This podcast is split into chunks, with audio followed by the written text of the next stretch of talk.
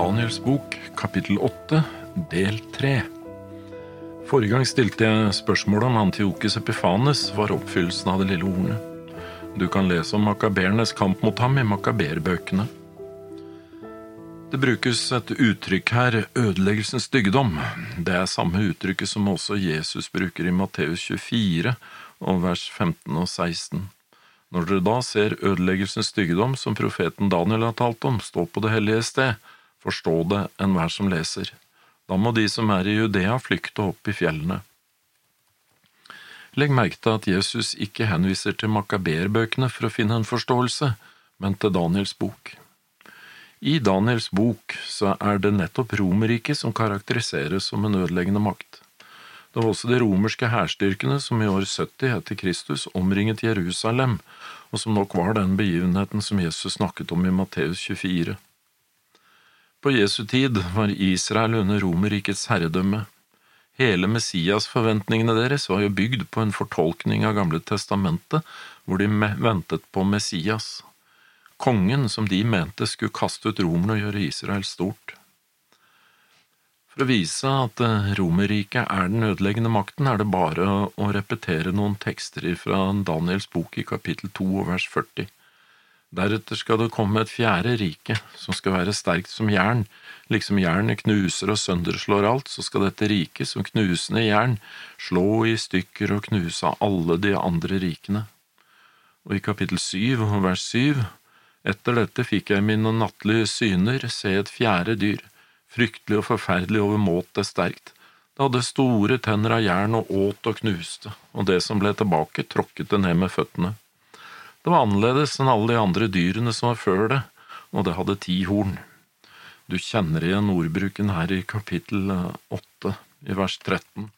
Så hørte en av de hellige tale, og en annen hellig sa til han som talte, hvor lang tid gjelder synet om det stadige offer og det ødeleggende frafall, at både helligdommen her overgis til å bli tråkket ned. Det er Rom som er ødeleggeren, som knuser og sønderslår, som tråkker ned, først rent fysisk, men senere også på det åndelige planet. Vi leste ord, Jesus sine ord fra Matteus kapittel 24. Det er henta fra Jesus sitt svar til disiplene når de hadde vist ham tempelbygningene, og Jesus hadde svart at det skulle bli ødelagt. Jeg skulle ikke bli stein tilbake på stein. Og I Matteus kapittel 24 vers 3 står det at disiplene spurte Jesus da, Si oss, når skal dette skje, og hva skal være tegnet på ditt komme og på denne tidsaldrenes ende? Dersom tempelet skulle bli helt ødelagt, ja, da tenkte de at det måtte jo være verdens ende. I Lukasevangeliet, når han gjengir samme begivenheten, sier Lukas i kapittel 21 og vers 20. Men når dere ser Jerusalem omringet av krigsherrer, da skal dere vite at byens ødeleggelse er nær. Det var Romerriket som omringet Jerusalem i år 70 etter Kristus og som ødela byen. Romerne omringet først byen, for så å trekke seg tilbake. De som leste og forsto det Jesus hadde sagt, de brukte da situasjonen og flyktet, og på den måten berget de livet. Mens de som ikke fulgte Jesu råd, de omkom, for romerne kom tilbake og beleiret Jerusalem, og nå ble blokaden ikke brukt. I Matteus 24 vers 20 så sier Jesus, men be om at dere slipper å flykte om vinteren eller på sabbaten. Jesus snakker helt klart om det som framtid. Det handlet om Jerusalems ødeleggelse, men det handlet også om hans andre komme. Jesus oppfordret også sine tilhørere til å forstå det, enhver som leser, og han bruker Daniels bok som referanse, ikke makaberbøkene. Det var ikke så viktig å forstå det dersom det pekte tilbake til en begivenhet som skjedde for nesten 200 år siden, da Antiokus Epifanes skjenda tempelet, men det var veldig viktig å forstå det om begivenheten lå inn i framtiden, spesielt når mange av de som hørte på det Jesus sa, kom til å oppleve Jerusalems ødeleggelse. Jeg tror dette er viktig for oss også å forstå, for Jesus snakket om to ting her, ikke bare Jerusalems ødeleggelse som skjedde i år 70, men også hans andre komme. I år 70 så omringet altså romerne Jerusalem. Jerusalem var jo Guds by, den var satt til side og helliget til Herren, Men inn på hellig grunn, rett utenfor bymurene, kommer så Roms hær og planter fanene sine i marka. Tegnet på Roms autoritet. Som jeg sa tidligere, så trakk romerne seg tilbake, noe som åpnet muligheten for at de som trodde på det Jesus sa og handlet i forhold til det, kunne flykte. Spørsmålet for oss som lever i dag, er om den ødeleggende styggedommen, endetidens antikrist, vil gjøre noe av det samme, plante sitt flagg, sitt autoritetsmerke, der hvor Guds autoritetsmerke burde stå i vår tid. Forstår du tegnet og den første oppfyllelsen, da Rom omringet Jerusalem i år 70, så forstår du også hvorfor Syndagsadventistkirken tror og lærer som vi gjør, rundt det med søndagslover og det å flykte ut av byene før Jesu andre komme, men det kan vi se mer på en annen gang. Jeg vil utdype litt mer hvorfor jeg ikke tror at Antiokus Epifanes kan være oppfyllelsen av det lille hornet her i kapittel åtte. Som vi har sett tidligere, bruker grunnteksten ordene gadal og adgadal og jeter gadal. Gadal er et rotord. Det det betyr, er å være stor og opphøye seg. Det mediske riket var stort, det gresk-makedonske større, men Romerriket var størst. Legg merke til vers 22 i Gabriels forklaring. Når dette hornet ble brukket av og det kom fire andre i dets sted, så betyr det at fire kongeriker skal oppstå av hans folk, men ikke med hans kraft. Ptolemeus og Seleukus, Lysimaxus og Kassander, ingen av dem hadde Aleksanders kraft eller storhet, heller ikke noen av deres etterfølgere. Det står at det lille hornet skulle vokse seg overmåte stort. Det må derfor vokse seg større enn Aleksander den store. Antiokus Epifanes han var den åttende åttende kongen i Selekir-kongerekka. Han vokste seg aldri så stor som det Bibelen sier at det lille hornet ville gjøre. Det mediske og persiske riket bestod av 127 provinser. Du ser det i Esters bok i kapittel 1 og vers 1 og 2. I Hasverus' dager, det var den Ahasverus som regjerte fra India like til Etiopia, over 127 landskaper de dager da kong Ahasverus satt på sin kongetrone i borgen Susan. Antiokus Epifanes, på tross av hans store erobringslyst, så rekker han ikke opp til sokka på dem engang. Om du tolker det å være stor som å opphøye seg selv, så er ikke skjendingen av tempelet som han gjorde så mye å snakke om heller, i forhold til det Romerriket har gjort. I sin første fase har de korsfestet Jesus, og de grusa tempelet i Jerusalem. I sin andre fase har de tenkt på å forandre tider og lov og forfulgt den høyeste selje. Det er flere grunner også til at det ikke kan være Antiokus Epifanes. Ordet offer står ikke i teksten. Men det er jo et av premissene for at Antiokus Epifanes er det lille hornet i Daniel kapittel åtte. Det er at det ellevte verset snakker om det daglige offer men ordet offer står altså ikke i grunnteksten, det er et tilføyd ord.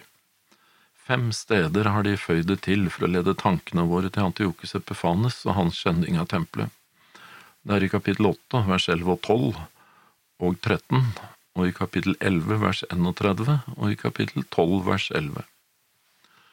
Du finner ikke ordet offer i hele kapittel 8, men du finner en referanse til kveldsofferet i Daniel kapittel 9 og vers 21, hvor det står det var ved tiden for kveldsofferet. Det hebraiske ordet som er brukt der, er ereb minsha. Ereb betyr kveld, og minsha offer.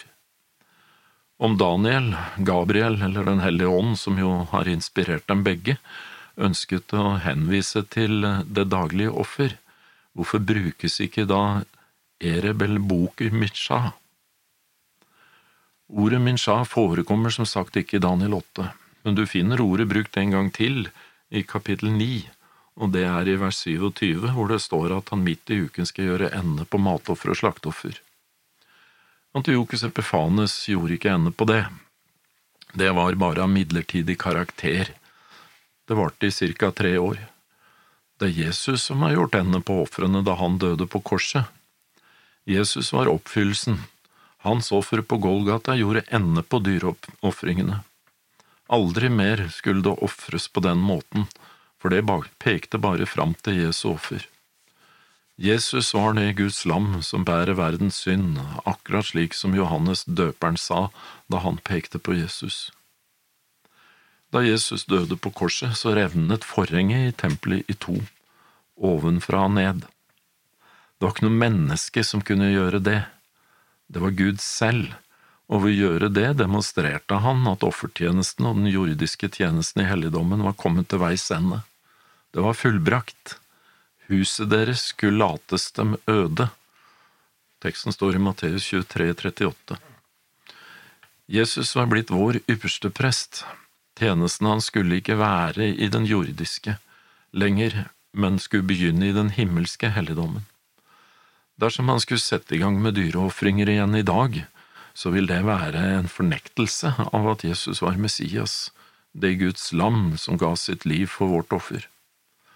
Det ordet Daniel bruker i kapittel 8 vers 14 for often om morgener, er ereb, som betyr kveld, og boker, som betyr morgen. Det står ingenting om offer. Uttrykket aftener og morgener i vers 14 er heller aldri brukt i forbindelse med ofringer i Gamle testamentet. Da står det motsatte veien, morgen- og aftenoffer, og da står aften i flertall. Du ser det i andre Mosebok kapittel 29 og vers 39.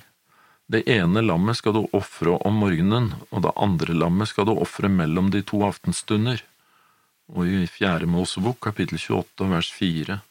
Det ene lammet skal du ofre om morgenen, og det andre skal du ofre mellom de to aftenstunder. Men dersom du søker på akkurat samme ord og rekkefølge, aften og morgen slik det står i teksten i Daniel 8,14, i resten av Gamle testamentet, ja, så vil du finne at de seks første henvisningene du får, er til skapelsesdagene. Det ble aften og morgen, første, andre, tredje, fjerde, femte, sjette dag. Derfor tror jeg at vi må forholde oss til det som dager, akkurat som ved skapelsen, og brukt i profetisk sammenheng blir de til år. 2300 år. Det er en veldig lang tid og det passer veldig bra med det Gabriel sier til Daniel i den forklaringen han gir mot slutten av kapittel åtte. For Gabriel gir en tredobbel referanse til at synet sikter til endens tid. Den første finner du i vers 19. Jeg vil nå kunngjøre for deg hva som skal skje i vredens siste tid. Og den andre, for synet sikter til den tid som er fastsatt for enden. Og den tredje, i vers 26, Synet om aftener og morgener som det var tale om, er sannhet, men gjem du synet, for det sikter til en fjern framtid. Om du lar Bibelen tolke seg selv, så kan du faktisk vite noe om når endens tid begynner, og det har ingenting med Antiokus Epifanes å gjøre. I Daniel kapittel 11 mener mange bibelfortolkere at Antiokus Epifanes er oppfyllelsen av det 31. verset. Jeg tror nok ikke det. Ifølge teksten i kapittel 11 så ligger fremdeles endens tid, enden i framtiden, i vers 35. Det som står, det er noen av de forstandige skal undertrykkes, så de kan bli prøvet og renset og tvettet til endens tid, for ennå dryger det med enden til den fastsatte tid er inne. La du merke til det? For Daniel, eller skal vi heller si for himmelen, for det er jo Vår Herres sendebud som forklarer syn om endens tid her, og ifølge teksten er det en fastsatt tid, og den kommer ikke før i vers 40. Der står det rett ut, i endens tid skal Sydens konge støte sammen med ham. Nordens konge skal storme fram mot han med vogner og hestfolk og mange skip. Han skal falle inn i landene, oversvømme dem og dra videre. Så det er jo bare å finne ut når det er, så vet du når endens tid begynner. Men det er kanskje ikke så bare, for det må til litt av et bibelstudium her. Den tid, jeg tror det er lenge etter at Antiokus Epifanes levde. Ifølge Daniel kapittel 12 vers 4 så skulle boken være forseglet inntil endens tid. Det var først da at kunnskapen om Daniels bok, kapittel 8 til 12, skulle bli stor. Det er i kapittel 8 han første gang får beskjed om å forsegle boken, så gjentas det i kapittel tolv. Men vi får eh, se litt mer på dette neste gang.